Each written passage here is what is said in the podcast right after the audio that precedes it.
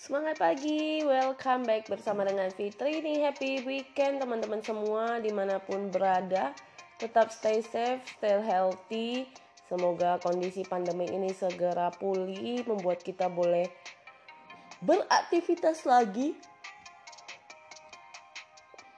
Seperti biasanya Nah teman-teman walaupun mungkin ada yang bilang ya kayak virus Omicron ini membahayakan Ada yang bilang kayak flu biasa Intinya tidak perlu terlalu ditakut-takutin jaga saja sendiri. Sama kayak dulu ada pandemik virus ini virus itu ya udah jaga aja lah intinya ya.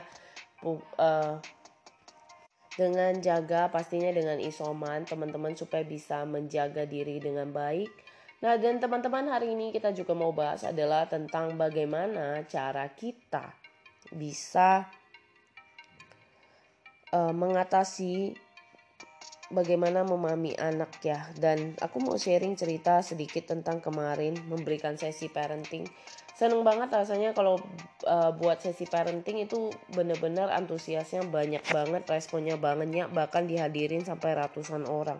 Jadi banyak yang belajar banget tentang yang namanya parenting life bahkan itu bertahan sampai satu jam lebih ya.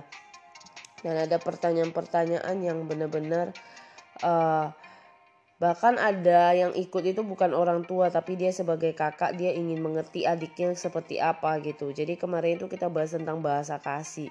Nah bahkan ada pertanyaan-pertanyaan ada pendapat bagaimana sih kalau misalnya bahkan ada yang uh, keponakannya karena terlalu dekat dengan suaminya jadi kayak uh, mungkin sebagai cewek ada rasa jealous ada merasa kayak apakah keponakan terlalu over dan sebagainya gitu ya.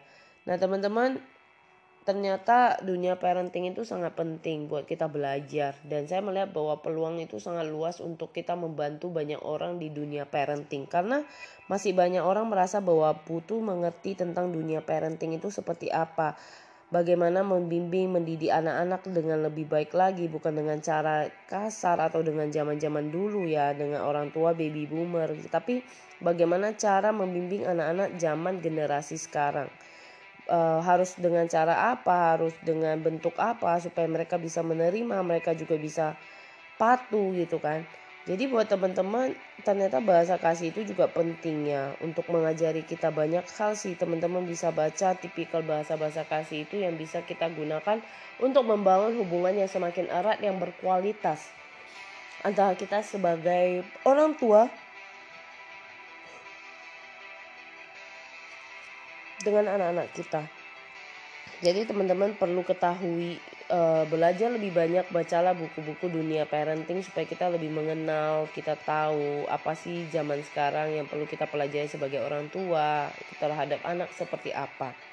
Semoga podcast ini bermanfaat buat teman-teman dan saya selalu antusias untuk berbagi tentang dunia parenting buat para orang tua bahwa walaupun mungkin secara pribadi ya saya uh, belum married, belum punya anak, tapi bersyukur ya Tuhan itu kayak kasih tempat wadah untuk belajar untuk membantu banyak orang membantu anak-anak orang lain gitu loh. Jadi kadang kita berpikir juga ya benar ya kayak kemarin kita sesama coach cerita saya aja kapan dimengerti orang untuk diajari punya masalah curhatnya ke mana-mana kita lebih banyak menangani anak-anak orang dan sebagainya gitu.